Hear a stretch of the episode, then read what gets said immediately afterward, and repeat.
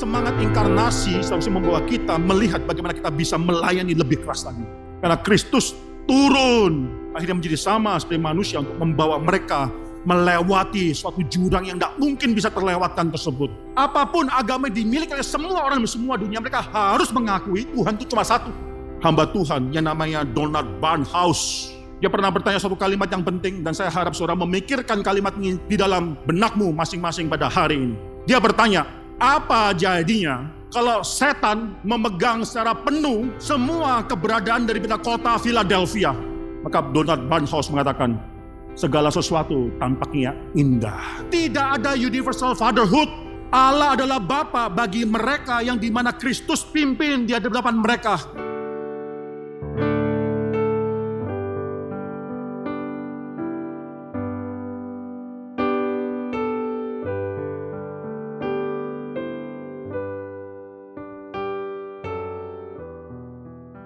Kita hari ini akan membaca dua ayat yang baru, ayat yang ke-10 dan 11 dari pasal yang kedua.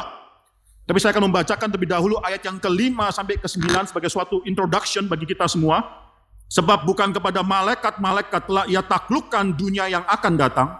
Yang kita bicarakan ini, ada orang yang pernah memberi kesaksian di dalam suatu nas katanya, apakah manusia sehingga engkau mengingatnya, atau anak manusia sehingga engkau mengindahkannya? Namun engkau telah membuatnya untuk waktu yang singkat, sedikit lebih rendah daripada malaikat-malaikat, dan telah memakotainya dengan kemuliaan dan hormat. Segala sesuatu telah engkau taklukkan di bawah kakinya. Sebab dalam menaklukkan segala sesuatu kepadanya, tidak ada satupun yang ia kecualikan yang tidak takluk kepadanya. Tetapi sekarang ini belum kita lihat bahwa segala sesuatu telah ditaklukkan kepadanya. Tetapi dia yang untuk waktu yang singkat dibuat sedikit lebih rendah daripada malaikat-malaikat, yaitu Yesus. Kita lihat yang oleh karena penderitaan maut dimakotai dengan kemuliaan dan hormat, supaya oleh kasih karunia Allah ia mengalami maut bagi semua manusia. 10, 11.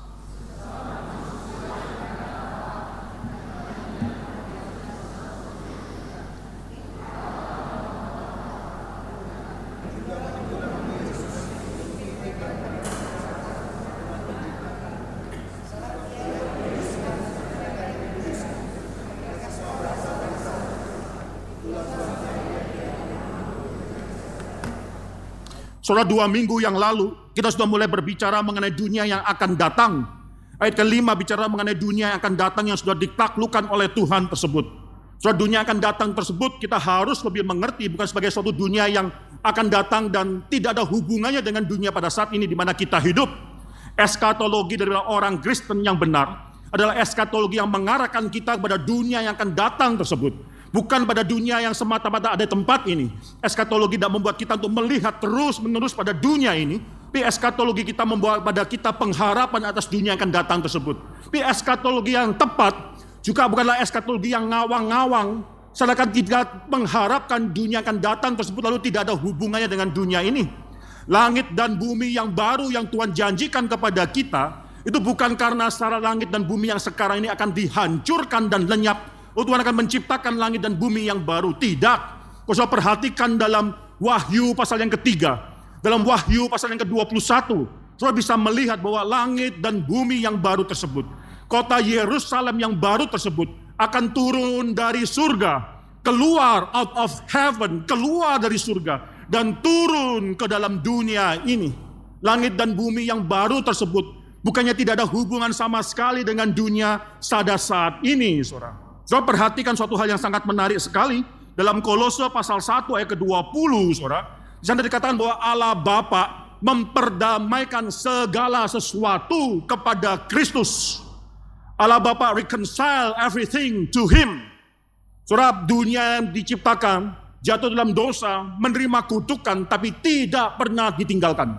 Dunia di mana kita hidup saat ini adalah dunia yang akan terus ditebus dan suatu hari langit dan bumi ciptaan yang baru akan hadir bukan dengan meniadakan dunia ini, tapi dengan meridim, menebus dunia ini, menaklukkan dunia yang sementara ini ke bawah kaki daripada Tuhan Yesus. Ibrani pasal 2 ayat 8 kalau sudah perhatikan ada satu hal yang sangat menarik sekali. Segala sesuatu telah engkau taklukkan di bawah kakinya. Sebab dalam mentaklukkan segala sesuatu kepadanya, tidak ada sesuatu pun yang ia kecualikan yang tidak takluk kepadanya.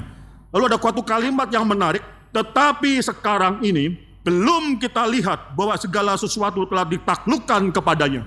Langsung waktu bicara mengenai dunia yang akan datang tersebut, penulis Ibrani juga langsung bicara mengenai bahwa faktanya dunia saat ini belum ditaklukkan. Jadi dunia yang akan datang tersebut tidak terlepas daripada dunia pada saat ini. Ini menjadi suatu hal yang penting sehingga hidup kita bukan hidup yang ngawang-ngawang menantikan dunia akan datang tanpa mempedulikan dunia yang sekarang ini. Dunia yang akan datang yang demikian indah, di mana Kristus akan menjadi raja secara total, terjadi ketika segala sesuatu dalam dunia saat ini sudah ditaklukkan untuk Kristus. Dunia akan datang itu adalah suatu hal yang di mana dunia saat ini ditaklukkan bagi Kristus. Ada suatu renewal, ada suatu pembaruan di mana hati daripada orang-orang akan berpindah kepada Tuhan dan segala sesuatu akan ditebus, ditaklukkan bagi Kristus. Karena ini suatu hal yang sangat indah sekali. Ini harus kita pikir baik-baik waktu kita merenungkan mengenai apa maksudnya dunia akan datang tersebut. Sekali lagi, saudara, dunia akan datang tersebut tak dilepaskan dari penaklukan dunia yang sekarang ini. Sekarang, tak segala sesuatu sudah ditaklukkan saat ini. Itu langsung mengkaitkan realitas yang kita lihat dalam dunia saat ini dengan apa yang dijanjikan tersebut. Saudara ini sangat penting sekali, saudara. Mata rohani orang Kristen tidak terpaku dalam dunia ini, terpaku dalam dunia yang akan datang, tapi tidak mengabaikan dunia pada saat ini, saudara. Kita harus jadi agen penebusan Tuhan dalam dunia ini. Tapi sekali lagi saya mau katakan di sini, mata rohani kita terpaku pada dunia yang akan datang, yang sudah dijanjikan, yang sudah ditaklukkan, yang sudah digarantit, yang sudah dijaminkan kepada kita. Di sini Tuhan katakan, dunia yang akan datang tersebut sudah ditaklukkan, ayat yang kelima, telah ditaklukkan kepada Kristus. Bukan untuk malaikat-malaikat dunia tersebut, tersebut ditaklukkan, tapi kepada anak tersebut. Segala sesuatu telah ditaklukkan di bawah kakinya, tidak ada satu pun yang ia kecualikan. Ayat yang ke-8. Ya, tetapi, saudara, dikatakan juga dalam ayat ke-8, sekarang ini belum kita lihat bahwa segala sesuatu telah ditaklukkan kepadanya. Apa maksudnya? Kalau semua sudah ditaklukkan, mengapa kita belum melihat segala sesuatu ditaklukkan? Kalau dikatakan bahwa semua sudah ditaklukkan di bawah kakinya, mengapa akhirnya dikatakan sekarang kita harus menerima fakta tidak semua ditaklukkan? Apa maksudnya di sini? Di sini teologi sedang mengajar pada kita mengenai suatu fakta yaitu already and not yet. Bahwa dunia itu sudah ditaklukkan and yet still not yet ditaklukkan secara penuh. Mengapa harus ada konsep already and not yet semacam demikian? Sudah di dalam kedatangan Kristus yang pertama kali dan kedatangan Kristus yang terakhir yang kedua kali nanti. Maka di sana kita hidup di tengah-tengah dua titik tersebut. Di mana dunia sudah ditaklukkan, tapi kita belum melihat segala sesuatu ditaklukkan pada Kristus. Mengapa harus ada kedua titik ini? Mengapa kita harus struggle hidup dalam dua dunia semacam demikian? Karena satu hal, orang Kristen harus dididik dalam hidup berharap kepada Tuhan.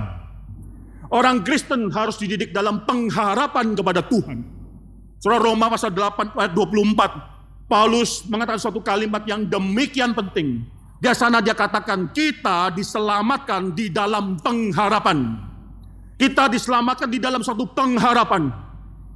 Paulus tidak pernah katakan kita diselamatkan karena penglihatan. Paulus katakan kita diselamatkan dalam suatu pengharapan. Dia sambung kalimat berikutnya dia katakan, tetapi pengharapan yang dilihat bukan lagi pengharapan. Pengharapan yang dilihat bukan lagi pengharapan. Sebab bagaimanakah, Paulus bertanya, bagaimanakah orang masih berharap apa yang dilihatnya? Terus mengapa Tuhan tidak langsung membawa kita kepada surga, lalu membiarkan kita hidup dalam dunia ini, mengetahui bahwa segala sesuatu sudah ditaklukkan kepada Tuhan, tetapi kita belum melihat segala sesuatu ditaklukkan kepada Tuhan. Supaya kita dalam hidup ini belajar untuk berharap. Pengharapan, hoping, adalah suatu training yang harus kita lalui sebagai orang Kristen pengharapan. Kalau semua sesuatu adalah sesuatu sudah terjadi sesuai dengan apa yang kita inginkan. Kalau segala sesuatu tampaknya seperti yang sudah dijanjikan, yang memiliki banyak potensi-potensi yang bisa terjadi, saudara. Segala sesuatu kaya seakan-akan adalah suatu hal yang menjanjikan sekali. Dalam hidup kita tidak pernah mengalami segala kesulitan. Dalam hidup kita kita tidak pernah Tuhan izinkan untuk bisa mengharapkan sesuatu yang seakan-akan tidak bisa kita harapkan tersebut. Everything so promising dalam hidup kita. Di dalam saat itu, saudara, pengharapan kita menjadi suatu hal yang hambar. Kita tidak benar-benar bisa berharap. Kita tidak benar-benar dilatih oleh Tuhan untuk berharap. Kita hanya menikmati apa yang kita lihat saja. Itu bukan pengharapan. Tapi ada suatu hal yang sangat paradoks sekali. Ketika segala sesuatu tampaknya demikian sulit. Ketika segala sesuatu tampaknya so un unhopeful. Tidak ada pengharapan. Without hope. So dark. Di sana kita dilatih sama Tuhan. Apakah kita masuk terus berharap kepada apa yang sudah Tuhan janjikan? Di sana pengharapan berubah menjadi satu kekuatan di dalam Tuhan. Di sana pengharapan walaupun ada air mata di dalamnya, tapi memiliki suatu tulang, memiliki suatu kekuatan di mana kita terus berharap, terus berjalan, mengetahui bahwa memang kita bukan diciptakan untuk dunia ini, tapi untuk dunia akan datang tersebut. Surah already and not yet Itulah battleground, itu adalah tempat di mana kita harus berlatih mengenai bagaimana berharap. Surah apa yang Tuhan janjikan pada kita, peganglah. Itulah nasihat daripada penulis Ibrani. Engkau sudah melihat kesupremasi daripada Kristus. Apa yang sudah dia janjikan itu keselamatan yang besar tersebut. Itu bukanlah suatu hal yang rumor, bukanlah suatu hal yang tidak ada dasarnya. Itu satu hal yang sudah dijanjikan. Itu satu hal yang sudah dijaminkan kepada engkau. Walaupun kau melalui dunia yang sementara ini. Dan banyak sekali penderitaan-penderitaan di mana engkau tidak akan sangat tidak melihat segala sesuatu sudah ditaklukkan pada dia. Tapi peganglah apa yang sudah dijanjikan. Sekali lagi seorang orang Kristen, peganglah apa yang sudah dijanjikan Tuhan kepadamu. Jangan usahakan apa yang Tuhan tidak janjikan. Jangan cari-cari kesempatan untuk bisa mendapatkan apa yang Tuhan tidak pernah janjikan dalam hidupmu. Kekayaan, nama yang besar, kenikmatan hidup, semua tidak pernah Tuhan janjikan bagimu dalam dunia yang sementara ini. Jangan kau kejar hal tersebut. Banyak orang yang ingin mendapatkan suatu hal yang Tuhan tidak janjikan dalam hidup mereka. Akhirnya berdosa, akhirnya kompromi, akhirnya akhirnya menyangkal iman, akhirnya hanyut dan kehilangan keselamatan yang besar tersebut. Surah di sini, saudara-saudara Tuhan diingatkan, mengingatkan kita sekali lagi bahwa kita harus memegang apa yang sudah Tuhan janjikan walaupun kita belum lihat dunia pada saat ini sudah ditaklukkan semuanya kepada Tuhan. Saudara, seorang hamba Tuhan yang namanya Donald Barnhouse. Dia adalah hamba Tuhan atau pendeta senior dalam suatu gereja yang besar yang ada dalam Philadelphia, the 10th Presbyterian Church. Sebelum Montgomery Boys, dia adalah pendeta senior di sana.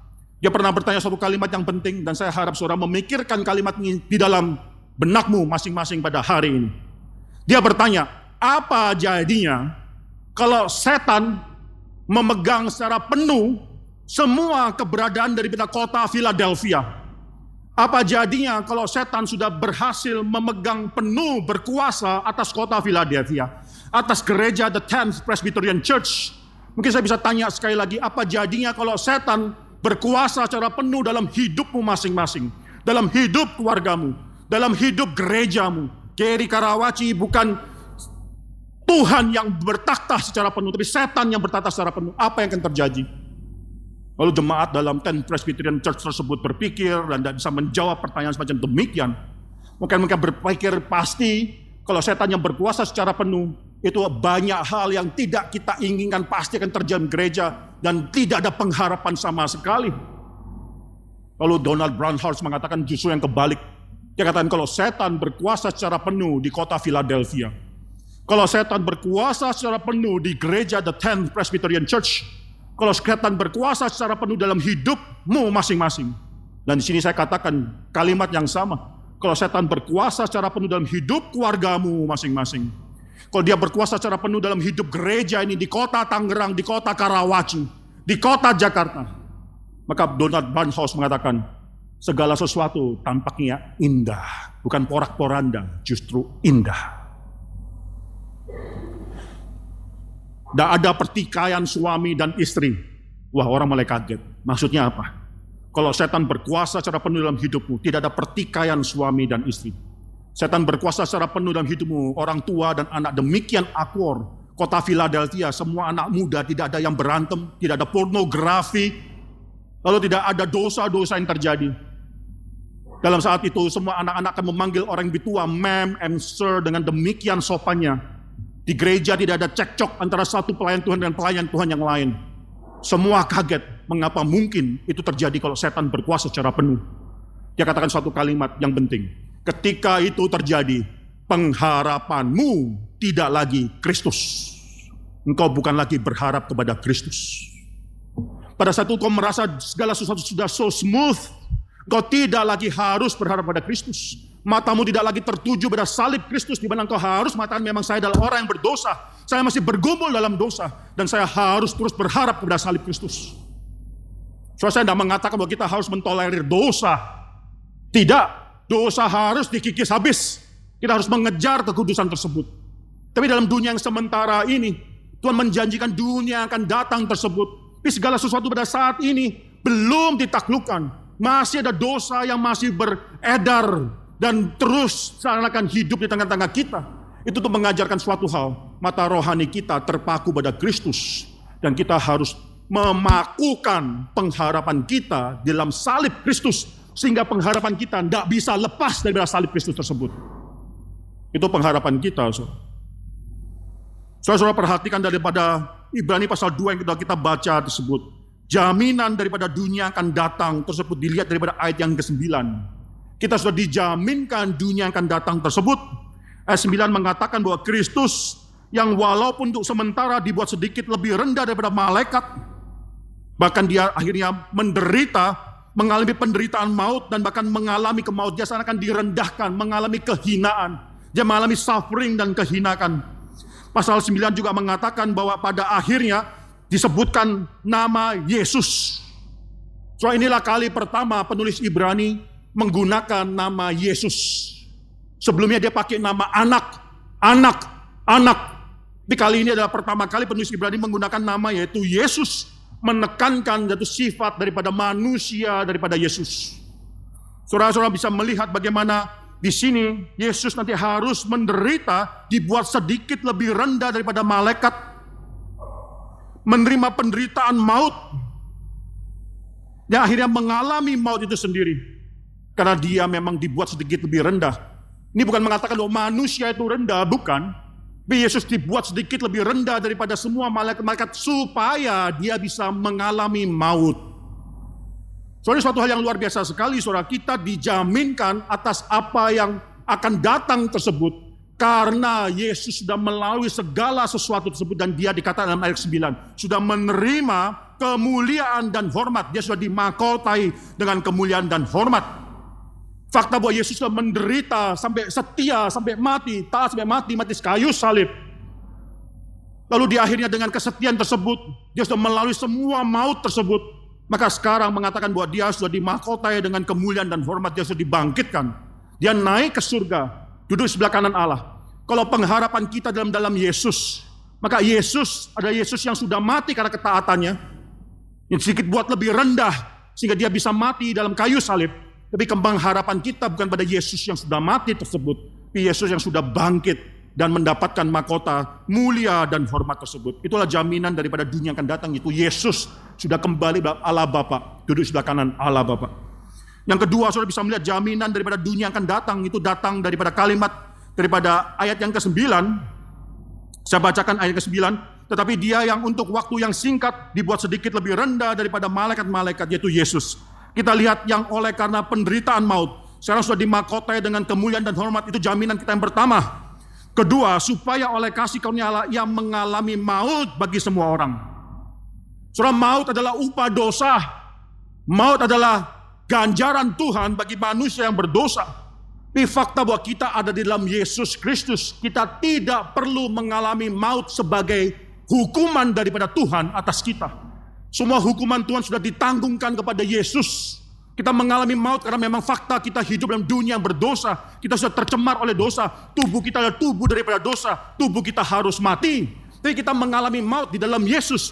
Bukan lagi sebagai seorang yang menerima hukuman kekal daripada Tuhan. Bukan. Kita mengalami maut karena memang kita memiliki tubuh yang berdosa. Surah Paulus dalam teologi dia 1 Korintus pasal 15 memiliki satu teologi yang luar biasa sekali. Dia membandingkan kematian orang yang percaya, sekali lagi saudara, kematian orang yang percaya dengan biji daripada pohon yang ditanamkan dalam tanah. Kalau pohon biji pohon tersebut tidak ditanamkan dalam tanah, maka dia tidak mungkin berubah. Tidak mungkin bertumbuh jadi suatu pohon yang demikian besar. Kematian orang di dalam Kristus bukan lagi penghukuman daripada Tuhan. Itu sudah ditimpakan kepada Yesus Kristus. Ada suatu kesempatan, suatu kemungkinan bagaimana tubuh yang sudah berdosa ini nanti akan ditanamkan. Dan nanti akan dibangkitkan menjadi tubuh yang mulia. Surah itu satu hal yang dijaminkan kepada kita. Itu kita sekarang tidak lagi harus menerima maut tersebut sebagai hukuman dunia akan datang tersebut dijanjikan kepada kita yaitu oleh dia yang sudah mengalami maut bagi semua manusia. Ini bukan universalisme. Saya katakan sekali lagi, ini harus dikaitkan dengan nanti apa yang kita baca, khususnya ayat 2, pasal 2 ayat yang ke-16. Bahwa bukan kepada malaikat-malaikat dijanjikan segala sesuatu tersebut, tapi kepada keturunan Abraham. Kalau ini maksud daripada penulis Alkitab bicara mengenai universalisme, dijanjikan kepada semua manusia, aneh kalau dia pakai keturunan Abraham. Seharusnya dia pakai keturunan Adam, saudara. Saudara di sini saudara kita sekali lagi mengingat suatu hal yang kita harus syukuri dunia akan datang tersebut. Ada dunia yang sudah dijanjikan, dijaminkan dan kita pasti tahu kita akan mendapatkannya. Mengapa? Karena Kristus sudah dimakotai dengan kemuliaan dan hormat. Dia sudah kembali ke dalam Allah Bapa duduk sebelah kanan Allah Bapa menerima mahkota dan hormat dan kedua dia sudah mengalami maut bagi kita semua itulah mengapa kita akan mendapatkan dunia akan datang tersebut Surah ayat yang ke-10 sampai ayat ke-18 itu menjadi suatu hal yang sangat unik sekali. Di sini saudara ada suatu hal yang penting yang akan diajarkan oleh penulis Ibrani. Kau saya perhatikan selama ini dalam pasal yang pertama sampai pasal yang kedua, penulis Ibrani terus memperbandingkan antara Kristus dan juga malaikat. Kristus dan malaikat. Kristus dan malaikat. Bagaimana kedua itu demikian berbeda. Tapi sekarang mulai ayat yang ke-10 sampai dengan ayat ke-18 pasal yang kedua, penulis Ibrani akan memperbandingkan Kristus dan kita. Kristus dan umat manusia. Kristus dan mereka semua yang pernah ditebus oleh Kristus. Penulis Ibrani akan membandingkan suatu solidaritas antara Kristus dan umat-umat Tuhan. Dan yang menarik, Ketika dia membandingkan kedua hal ini, kalau tadi dia melihatkan demikian berbedanya Kristus dan malaikat, mulai dari ayat ke-10 sampai ayat ke-18, penulis Ibrani akan melihatkan demikian samanya Kristus dengan umat Tuhan, dengan anak-anak Tuhan. Ini suatu teologi yang sangat luar biasa sekali, saudara. Sekali lagi, di sini, saudara, ayat pasal 10 ayat 18, penulis Ibrani membandingkan Kristus dan anak-anak Tuhan dan bukan hanya betapa berbedanya, ada perbedaannya pasti. Dan justru ditekankan oleh penulis Ibrani, betapa miripnya Kristus dan anak-anak Tuhan itu. Saudara, kalau saudara mengalami suatu kesulitan dalam hidup, saudara Ibrani adalah buku yang tepat bagi saudara. Saudara mengalami suatu hal yang mencemaskan hidupmu, yang mungkin membuat saudara berpikir, apakah saudara adalah anak Tuhan atau bukan. Mungkin saudara bergumul dalam dosa yang sudah demikian lama. Sedangkan dosa tidak bisa kau kalahkan. Saudara baca kitab Ibrani dan lihat bahwa Kristus adalah pribadi so Tuhan kirimkan, Allah Bapa kirimkan dalam dunia ini. Dan dia memiliki kemiripan antara dia dan kita semua. Suatu hal yang akan menguatkan kita semua. Saudara hari ini kita akan banyak bicara dalam ayat yang ke-10 dan yang ke-11. Hal yang pertama yang saudara bisa pelajari dari ayat ke-10 dan ayat ke-11 adalah suatu fakta. Kristus adalah anak Allah dan kita adalah anak-anak Allah. Itu persamaan yang demikian penting. Kristus adalah anak Allah dan kita semua dipanggil sebagai anak-anak Allah.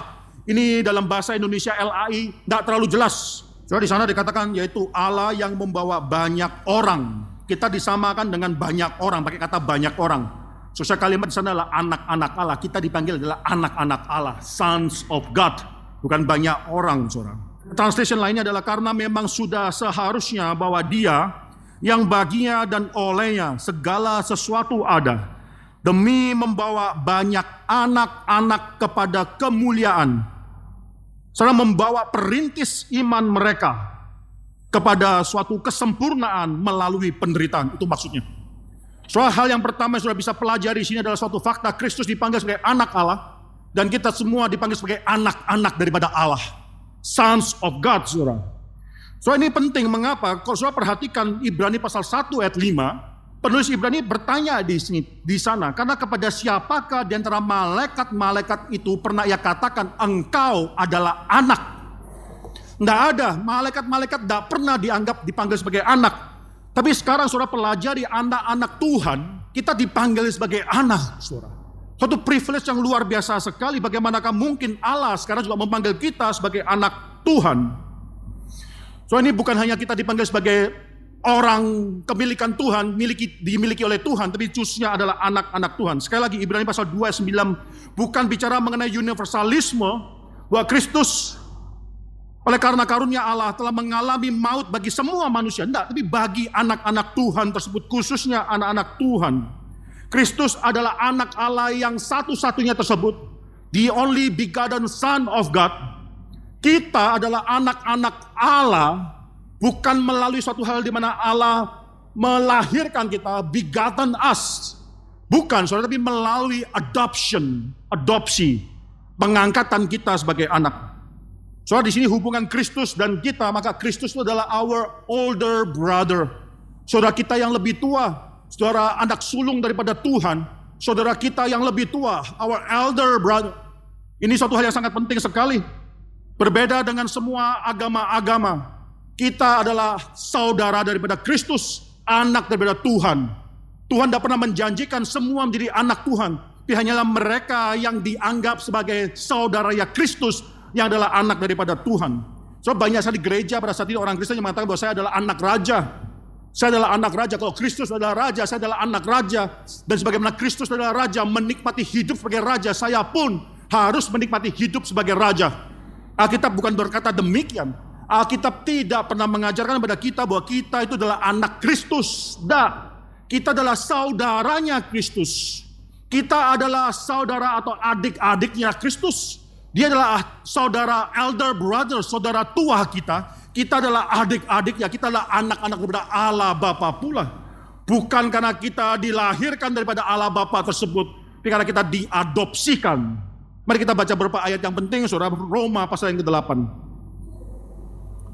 Bicara ini teologi daripada adoption, itu ada dan demikian kental di dalam pemikiran daripada Paulus, saudara. Kita baca Roma pasal 8, ayat yang ke-15. Sebab kamu tidak menerima roh perbudakan, yang membuat kamu menjadi takut lagi, tapi kamu telah menerima roh yang menjadikan kamu anak Allah, oleh roh itu kita berseru ya Aba dan ya Bapa. Kamu menerima roh daripada adoption, the spirit of adoption yang mengangkat kamu. Itu maksudnya di sana. Kita baca Galatia pasal yang keempat. Ayat yang keempat dan ayat kelima. Tetapi setelah genap waktunya, maka Allah mengutus anaknya yang lahir dari seorang perempuan dan takluk kepada hukum Taurat. Ia diutus untuk menebus mereka yang takluk kepada hukum Taurat supaya kita diterima atau kita mendapatkan pengangkatan sebagai anak. Kita menerima adoption sebagai anak, saudara.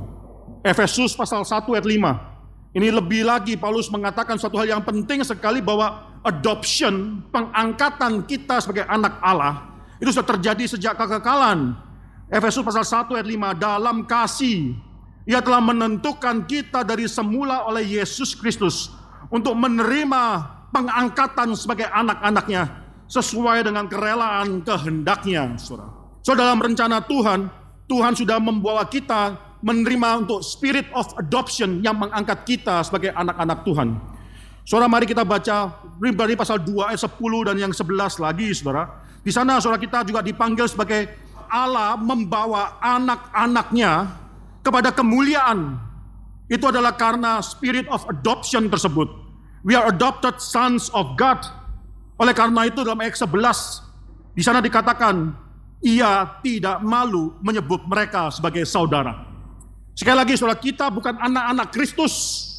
Itu teologi yang ngawur, itu teologi yang salah. Kita adalah saudaranya Kristus. Kita juga adalah anak-anak daripada Allah Bapa yang akhirnya menjadi anak karena adoption, karena diangkat menjadi anak. Dan oleh karena itu dalam Roma pasal 2 ayat yang 11 itu dikatakan sebagai satu kalimat bahwa Kristus tidak malu menyebut kita sebagai saudaranya. Saudara, satu tema yang demikian indah.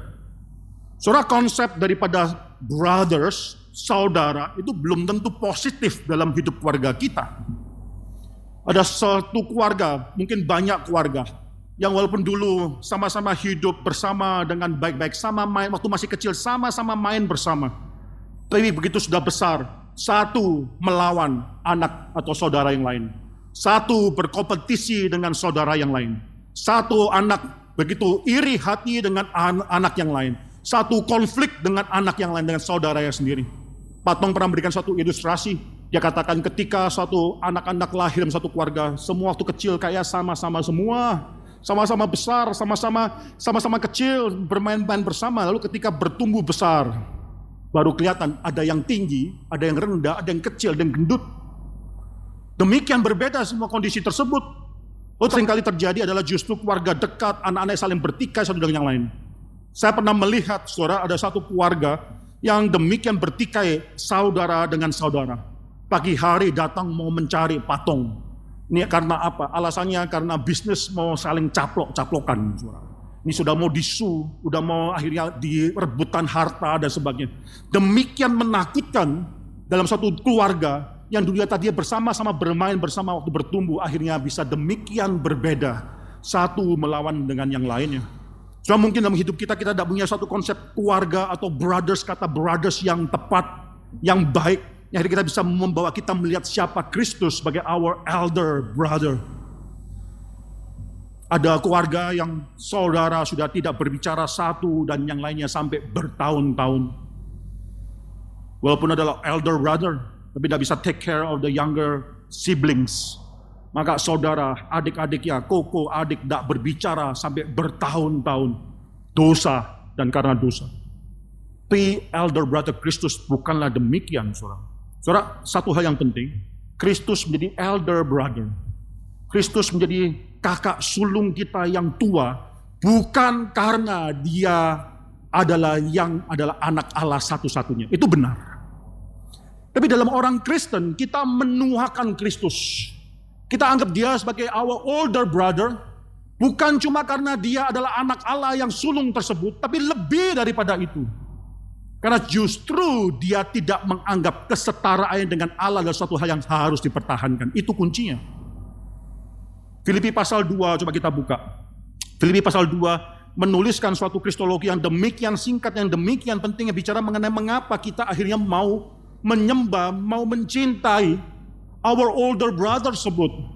Yaitu saudara sulung kita, kakak sulung kita tersebut. Filipi pasal 2 ayat yang ke-6.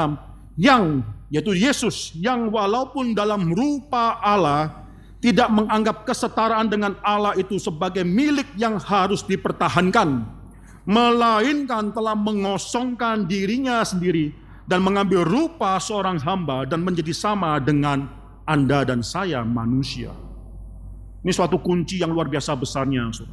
Kristus yang adalah cahaya kemuliaan Allah dan gambar wujud Allah. Ibrani pasal 1 ayat 3 tidak menganggap kesetaraan dengan Allah sebagai sesuatu yang harus dipertahankan, tapi mengosongkan diri dan mengambil rupa seorang hamba dan menjadi sama seperti Anda dan saya, menyamakan diri dengan kita. Oleh karena itu, dia adalah our older brother. Saudara, suatu kalimat yang harus dipegang di sini adalah suatu fakta bahwa kita, Kristus adalah saudara kita, bukan karena foremost kita adalah anak-anak Allah, bukan. Justru sebalik, kita adalah anak-anak Allah karena Kristus adalah saudara sulung kita. Di sini Yesus menurunkan dirinya sedemikian rupa, lalu menganggap kita dia harus menjadi sama dengan manusia, dengan Anda dan saya dan oleh karena itu kita bisa diadopsi menjadi anak Allah. Setelah itulah yang membuat Yesus akhirnya menjadi suatu hal yang di mana kita tidak mungkin merasakan suatu hal yang sama dengan kondisi manusia, saudara bertentangan dengan saudara yang lain. Tidak. Yesus bahkan meninggalkan segala kemuliaannya dan mengatur satu hal yang harus dipertahankan supaya bersolidaritas dengan kita semua. Hal yang kedua, saudara pertanyaan adalah bagaimanakah Kristus bisa menjadi saudara tua kita, our elder brother, kakak tua kita. Maka di sini surah Alkitab mengajarkan suatu hal yang penting. Coba kita baca dari ayat yang ke-10 saya bacakan bagi saudara sekalian, sebab memang sesuatu sesuai dengan keadaan Allah yang baginya dan olehnya segala sesuatu dijadikan, Yaitu Allah yang membawa anak-anak, semua anak-anaknya kepada kemuliaan, juga menyempurnakan Yesus yang memimpin mereka kepada keselamatan. Saudara memimpin di sini bahasa aslinya arkegos. Bahasa Yunani arkegos. Diterjemahkan dalam translation lain sebagai suatu perintis atau pemula founder of our faith yang memulai iman kita. Atau di dalam bahasa terjemahan NIV itu adalah author yang merencanakan, yang merencanakan iman kita. Saudara, tidak semua bahasa bisa meng, mengcapture, menangkap isi daripada arti sebenarnya. Yang mau dikatakan di sini bukan cuma Kristus memulai iman kita, bukan cuma Kristus memimpin iman kita, tapi mungkin bahasa yang lebih tempat adalah Kristus merintis, adalah perintis iman kita, itu yang maksudnya. Arkegos mungkin lebih tepat diartikan sebagai seorang yang merintis. Seseorang yang memulai belum tentu akan membawa dan memimpin, belum tentu. Seseorang yang memulai perang belum tentu akhirnya akan memimpin pasukan perang untuk maju dalam meja perperangan, belum tentu. Seseorang yang memimpin perang belum tentu juga memulai perperangan tersebut. Maka di sini saudara kata yang tempat yang menerjemahkan arkegos dalam bahasa aslinya saya rasa mungkin lebih tepat diterjemahkan sebagai perintis yang memulai dan yang memimpin di depan terus, yang merintis. Saudara ketika pada abad ke-16 15 banyak terjadi eksplorasi dalam dunia barat Saudara bisa tahu Columbus, Columbus membawa armada daripada Spanyol melalui Samudra Atlantik untuk mencari dunia yang baru. Dia terus berjalan ke arah barat, barat, barat. Dia pikir dia akan tiba ke dalam satu tempat yang namanya India. Ternyata bukan, dia tiba di dalam benua Amerika, tapi dia pikir itu adalah India. Dia panggil orang tersebut adalah Indian, saudara. Saudara, Columbus adalah seorang yang merintis. Ketika semua orang belum berani naik kapal melintasi Samudra Atlantik, dia berjalan terlebih dahulu. Dia yang memulai suatu-suatu dunia, suatu dunia yang baru tersebut. Dan dia berjalan di depan sampai akhirnya tujuan tiba di dalam dunia yang baru tersebut. Di Amerika saudara ada scout perintis yang sangat terkenal sekali. Dua perintis yang sangat terkenal, Clark and Lewis. Clark and Lewis adalah dua orang perintis yang merintis dan membuka pionir sampai ke dunia barat. Membuka melewati Rocky Mountains dan lain sebagainya Suatu lembah yang demikian sulit orang tidak punya keyakinan bisa melewati Rocky Mountain.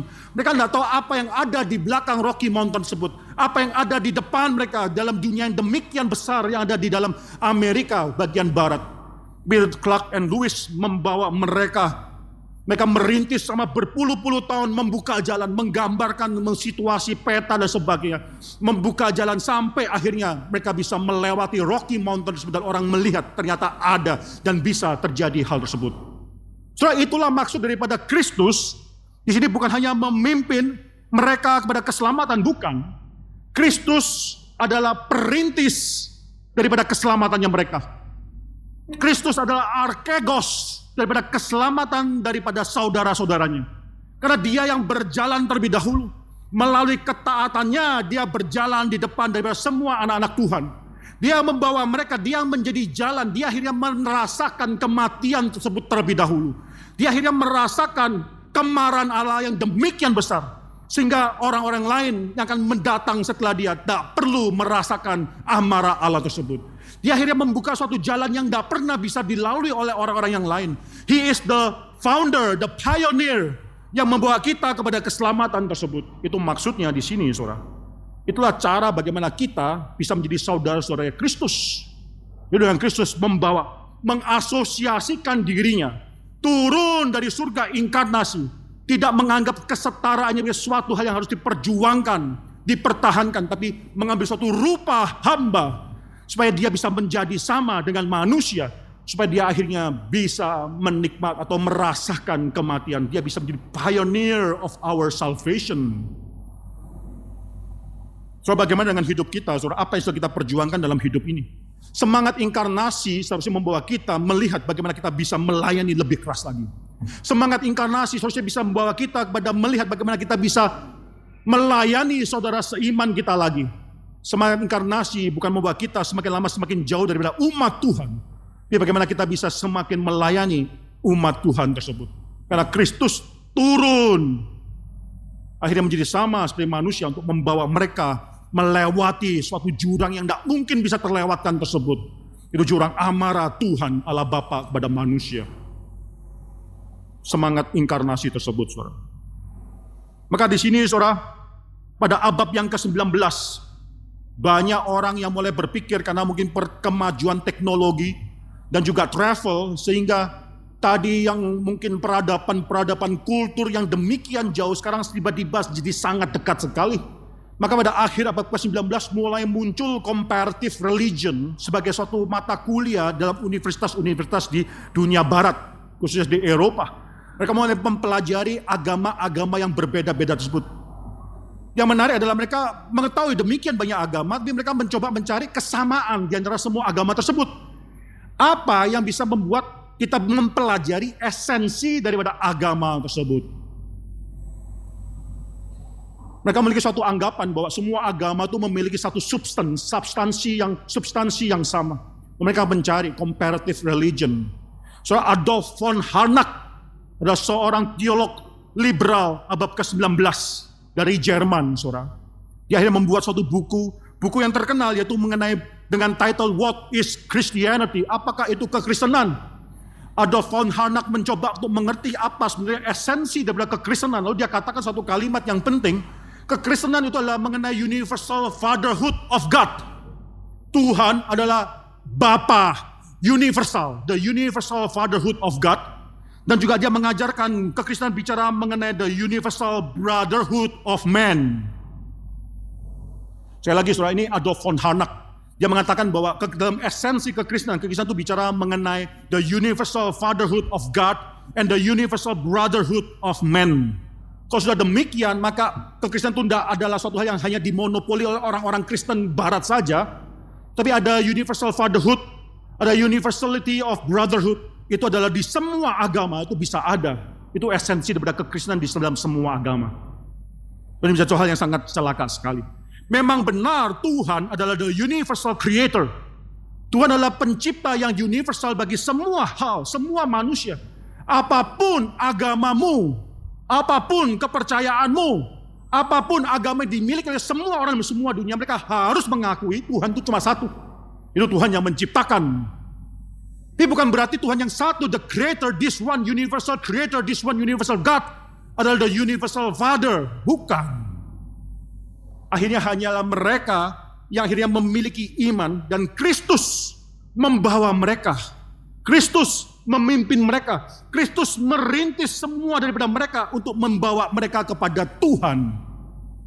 Maka daripada itu dalam Yohanes pasal 14 ayat 6, Yesus berkata, Akulah jalan, kebenaran, dan hidup.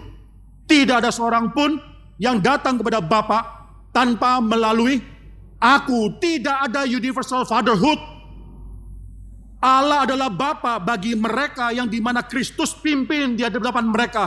Yang merintis iman mereka. Yang akhirnya mengikuti jalan Kristus. Bersama dengan Kristus akhirnya menjadi anak-anak daripada Allah. Itulah cara bagaimana kita menjadi anak-anak Allah. Hanya melalui iman daripada anak Allah. So kita baca Yohanes pasal 1. Yohanes pasal 1 ayat 12 ayat 13. Itu satu statement yang demikian penting yang kita harus terima. Yohanes pasal 1 ayat 12 13. Tetapi semua orang yang menerimanya, itu menerima Kristus, diberinya kuasa atau dalam bahasa aslinya diberinya hak supaya menjadi anak-anak Allah. Itu mereka yang percaya dalam namanya. Orang-orang yang diperanakan bukan dari darah atau dari daging, bukan pula secara jasmani oleh keinginan seorang laki-laki, melainkan dari Allah. Itu mereka yang percaya kepadanya. Tidak semua orang adalah brothers. Tidak semua orang disatukan dalam suatu universal fatherhood. Tidak. Tapi hanya mereka yang percaya kepada Allah, anak yang dipimpin oleh anak Allah menuju kepada Bapa. So hal yang ketiga yang kita bisa pelajari dari dua ayat ini, saudara, apa yang menjadi ciri daripada keluarga Allah ini? Kita, anak-anak Allah, Kristus, anak Allah, the only begotten Son of God, apa yang jadi ciri dari keluarga ini? Maka ayat 11 kalau sudah perhatikan, ada suatu kesamaan. Saya bacakan ayat 11. Sebab ia yang menguduskan dan mereka yang dikuduskan, Mereka semua berasal dari satu. Saudara kata satu ini ada orang yang tidak tahu bagaimana menerjemahkan. Ada yang mengatakan mungkin satu itu maksudnya Yesus dalam kemanusiaannya. Dia juga adalah keturunan daripada Adam. Dia keturunan daripada Abraham. Dia adalah keturunan daripada Daud. Sama dengan semua manusia. Mereka adalah keturunan daripada manusia. Kemanusiaan itu satu. Tapi saya rasa ini lebih besar daripada itu, saudara. Satu daripada apa? Satu daripada Tuhan. Yaitu Tuhan adalah Allah Bapa. Bapa daripada Kristus. Tuhan yang sama juga adalah Bapa daripada kita semua. Di sini Tuhan akhirnya yang merencanakan pengudusan tersebut. Yesus mengkuduskan semua yang direncanakan oleh Allah Bapa. Dan kita dikuduskan oleh karena rencana daripada Allah Bapa. Maka Yesus yang dari Bapa menjalankan pengudusan bagi semua yang direncanakan oleh Allah Bapa. Kita akhirnya mendapatkan pengudusan karena kita memang dalam rencana daripada pengudusan Allah Bapa. Maka kita semua keluarga daripada Allah ini ada keluarga yang mendapatkan suatu hal yang penting. Source-nya adalah satu, yaitu Allah Bapa. Apa menjadi ciri daripada keluarga ini? Hal yang kedua sudah bisa melihat ciri keluarga ini adalah keluarga ini bicara banyak mengenai holiness, kekudusan. Sudah sangat jarang sekali dalam dunia modern ini orang Kristen mau bicara mengenai kekudusan. Orang Kristen lebih banyak bicara mengenai happiness lebih daripada kekudusan. Orang Kristen lebih banyak mau memperjuangkan mengenai apa yang bisa membahagiakan hidupku, bukan apa yang akan menguduskan hidupku. Saya pernah bicara dengan seseorang anak muda, dia sedang mempersiapkan pernikahan. Lalu dia sedang membaca suatu buku yang saya tidak tahu dia dapatkan dari mana. Kemungkinan dari toko buku di Amerika, di bookshelf dalam toko buku di Amerika banyak sekali memiliki buku-buku semacam demikian self-help books. Psikologi, buku psikologi, buku mengenai bagaimana kita bisa hidup dalam dunia ini dan seterusnya itu banyak sekali. Title daripada buku itu saya langsung tahu ini pasti bukan buku Kristen. Judul buku itu adalah bagaimana kita bisa merencanakan keluarga yang bahagia. How to get a happy marriage How to secure a happy marriage.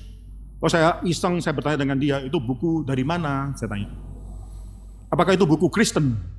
Oh dia mungkin agak kesalnya dan dia mengatakan, mengapa kita harus terus-menerus baca buku Kristen? Oh, saya bilang, enggak, enggak harus. Silakan baca koran, baca tempo, baca silakan. Tapi tidak salah kita memikirkan segala sesuatu yang penting dalam hidup kita itu dari sudut pandang firman Tuhan, saya katakan. Dalam kemudian saya beli satu buku bagi dia. Lalu satu buku yang berjudulkan langsung berbeda. Judul buku tersebut adalah Sacred Marriage. Mungkin saudara ada yang tahu buku tersebut dijual di Momentum sudah diterjemahkan dalam bahasa Indonesia. Saudara yang sedang mempersiapkan pernikahan, beli buku itu dan baca. Yaitu Sacred Marriage.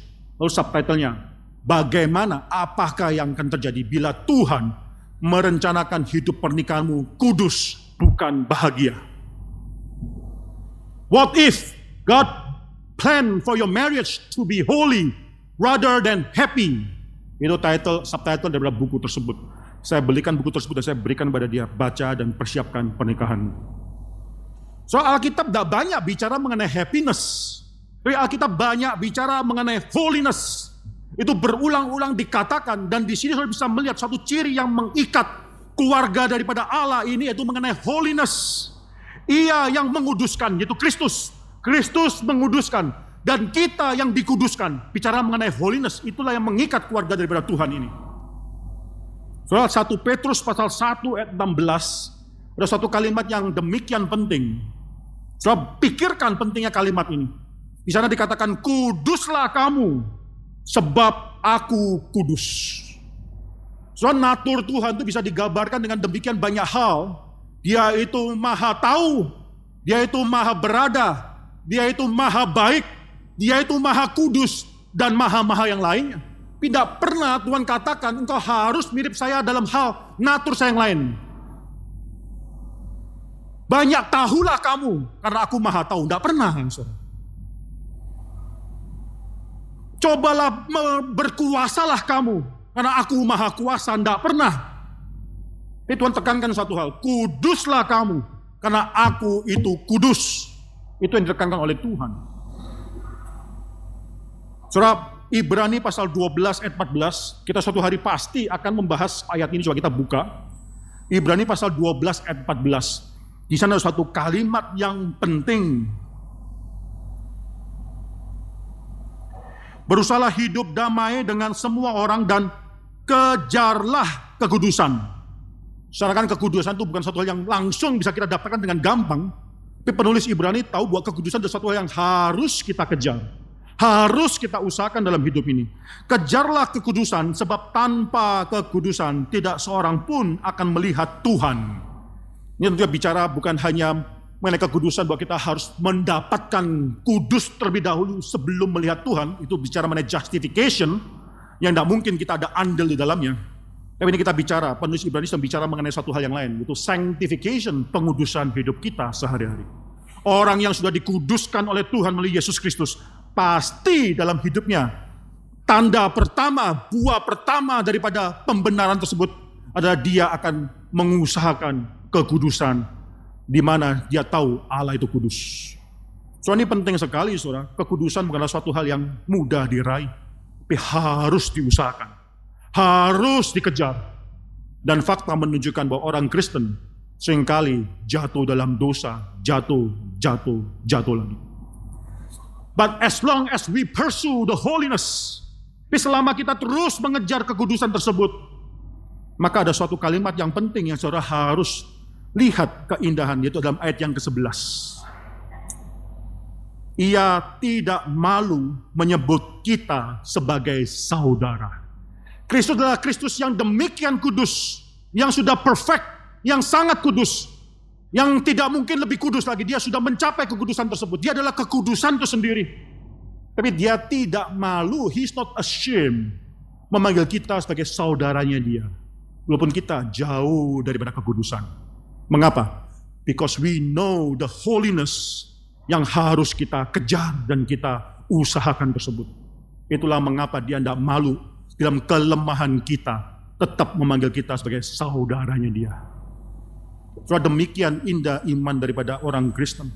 Alkitab tidak pernah mengajarkan bahwa kita harus mendapatkan kekudusan tersebut. Sudah mendapatkan kekudusan baru menjadi anak Allah. Tidak. Alkitab mengatakan kita menjadi anak Allah terlebih dahulu karena Yesus Kristus. Kenapa dia sudah lakukan? He's the pioneer of our faith. Baru setelah itu anak Allah bisa mengusahakan kekudusan. Ibrani pasal 12 ayat 14. Kejarlah, usahakanlah kekudusan tersebut. Dan oleh karena itu, walaupun kita masih bisa berdosa, walaupun hidup kita masih bisa dipenuhi dengan air mata karena kita jatuh dalam dosa, jatuh dalam dosa lagi tapi kita yang mengerti bahwa kita harus mengejar kedudukan tersebut. Kita adalah saudaranya Yesus. Dan Yesus tidak pernah malu memanggil kita yang lemah, itu saudaranya. Itu maksud daripada ayat ini. Yang kelima, saudara yang mau saya tekankan pada pagi hari ini, dan setelah ini saya akan tutup khotbah saya, saudara, adalah mengenai suatu penderitaan daripada Kristus. Saudara, sangat penting sekali, saudara, kalau kita baca ayat yang ke-10 sekali lagi. Sana dikatakan bahwa Allah Bapa menyempurnakan Yesus dengan penderitaan. Maksudnya apa? Allah Bapa menyempurnakan Yesus dengan penderitaan. Saudara banyak orang yang agak ragu-ragu untuk menerjemahkan atau mengkotbahkan ayat ini. Bukankah Yesus sudah sempurna? Apalagi yang mau disempurnakan daripada Yesus? Kok al kan Allah Bapa menyempurnakan Yesus, sedangkan Yesus masih belum sempurna sehingga dia harus sempurna. Bukan itu maksudnya Yesus memang secara natur sudah sempurna. Bahwa sifat ilahinya sempurna. Sifat manusianya pun sempurna. Saudara. Dia bukan seorang yang berdosa lalu harus disempurnakan supaya menjadi orang yang tidak berdosa. Tidak. Walaupun dia dalam natur manusia, dia tidak berdosa menunjukkan dia sudah sempurna sebagai manusia. Bahkan dia taat sampai mati. Satu hal yang gagal dilakukan oleh Adam sebelum jatuh dalam dosa. Dia taat sampai mati. Lalu apa maksudnya dia disempurnakan di sini? Dia disempurnakan bukan di dalam naturnya, tapi di dalam jabatannya sebagai Christ. Yaitu dia perfected jabatannya sebagai wakil manusia tersebut. Melalui apa? Bagaimana di perfect? adalah melalui suatu hal membuktikan perfection dengan membuktikan bahwa dia layak mendapatkan jabatan tersebut. Itu maksudnya di sini perfection tersebut. Dengan cara apa? Yaitu melalui suffering yang harus dia lalui. Dia mendapatkan status sebagai wakil, sebagai Mesias, the Christ, yang mewakili semua umat manusia yang ada di dalam dia yang diberikan Allah Bapa kepada dia. Karena memang dia layak untuk mendapatkan jabatan tersebut dan dia dapatkan itu melalui suffering, melalui penderitaan. Soalnya kata lain daripada perfection di sini bukan perfection yang semakin lama semakin sempurna, tapi tidak dikuduskan, consecrated itu maksud daripada perfection tersebut. Soalnya seorang imam ketika masuk ke dalam bait Allah, dia menyempurnakan dirinya, perfect himself dengan akhirnya consecrate himself dengan mengkuduskan dirinya. Dia tidak mau berdosa. Sebelum dia masuk ke dalam bait Allah tersebut, dia menyangkal semua dosa-dosa. Dia menyangkal dirinya. Akhirnya dia menyempurnakan dirinya dengan mengkuduskan dirinya bagi Tuhan. Sehingga dia menjadi imam yang layak. Itulah jabatan yang di-perfected bagi orang imam tersebut supaya dia menjadi imam yang layak tersebut. Juga demikian dengan Kristus. Kristus mendapatkan suatu title Christ Mesias. Bukan karena dia adalah Allah anak yang tidak melakukan apa-apa. Dia adalah Christ the Messiah karena dia adalah Allah anak yang akhirnya disempurnakan melalui kesengsaraan sehingga dia menjadi layak menjadi Mesias bagi kita semua. Dia menderita sampai mati itu maksudnya daripada perfection yang disebutkan di sini, Saudara. Mengapa ini penting? Supaya kita saudara-saudaranya akan mempelajari teladan demikian dan akhirnya kita meneladani kesengsaraannya dia. Surat teologi-teologi yang mengajarkan kemakmuran dan lain sebagainya tidak mengerti ayat ini. Teologi-teologi yang mengatakan bahwa kita sebagai anak raja kita harus makmur dan sebagainya. Mereka tidak pernah tahu bahwa Kristus pun akhirnya dianggap layak mendapatkan jabatan sebagai Mesias Christ yang menjadi wakil seluruh umat manusia yang diberikan Allah Bapa kepada dia Bukan karena kenikmatan statusnya sebagai anak Allah. Tapi justru sebagai anak Allah dia disempurnakan melalui suatu penderitaan. Para Filipi pasal 3 ayat 10 dan saya akan tutup khotbah ini dengan membaca suatu ayat daripada Filipi pasal 3 ayat 10. Ini suatu ayat yang penting. Dan kalau saudara adalah anak-anak Allah. Kalau kita semua di sini adalah saudara daripada Kristus Yesus, kita harus mengerti ayat ini. Dan ini menjadi satu hal di mana kita mengatakan, saya layak dipanggil sebagai saudara daripada Kristus. Dan Kristus akan melihat kita, walaupun dalam dosa-dosa kita, dia akan mengatakan, aku tidak malu memanggil engkau sebagai saudara. Filipi pasal 3 ayat 10. Paulus mengatakan, yang ku kehendaki ialah mengenal dia dan kuasa kebangkitannya dan persekutuan dalam penderitaannya di mana aku menjadi serupa dengan dia dalam kematiannya supaya aku akhirnya beroleh kebangkitan dari antara orang mati.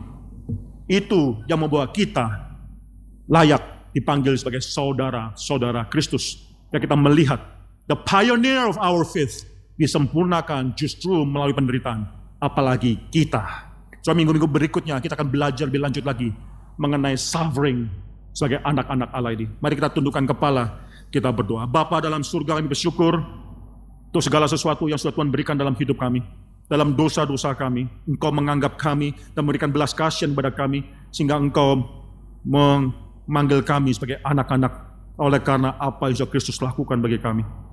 Ya Bapak, biarlah kami hidup sebagai anak-anak Tuhan. Walaupun kami tahu ada kesulitan hidup. Walaupun mungkin kami masih bergumul dengan dosa. Tapi mata kami sudah tertuju kepada dunia yang akan datang tersebut. Di mana kami tahu bukan dosa yang akan menguasai kami. Tapi kasih karunia Tuhan yang akan menguasai kami. Tengah-tengah dosa kami, ajar kami untuk bisa berjuang melawan dosa. Ajar kami untuk mengalami suatu pengertian. Kami bukanlah budak dosa, ada suatu roh daripada adopsi yang sudah membawa kami jadi anak Allah. Kami bisa mengusahakan kesucian tersebut. Kirimlah kami kembali ke dalam tempat kami masing-masing. Dan jadikanlah kami saksi Tuhan. Dalam nama Tuhan Yesus Kristus kami berdoa. Amin.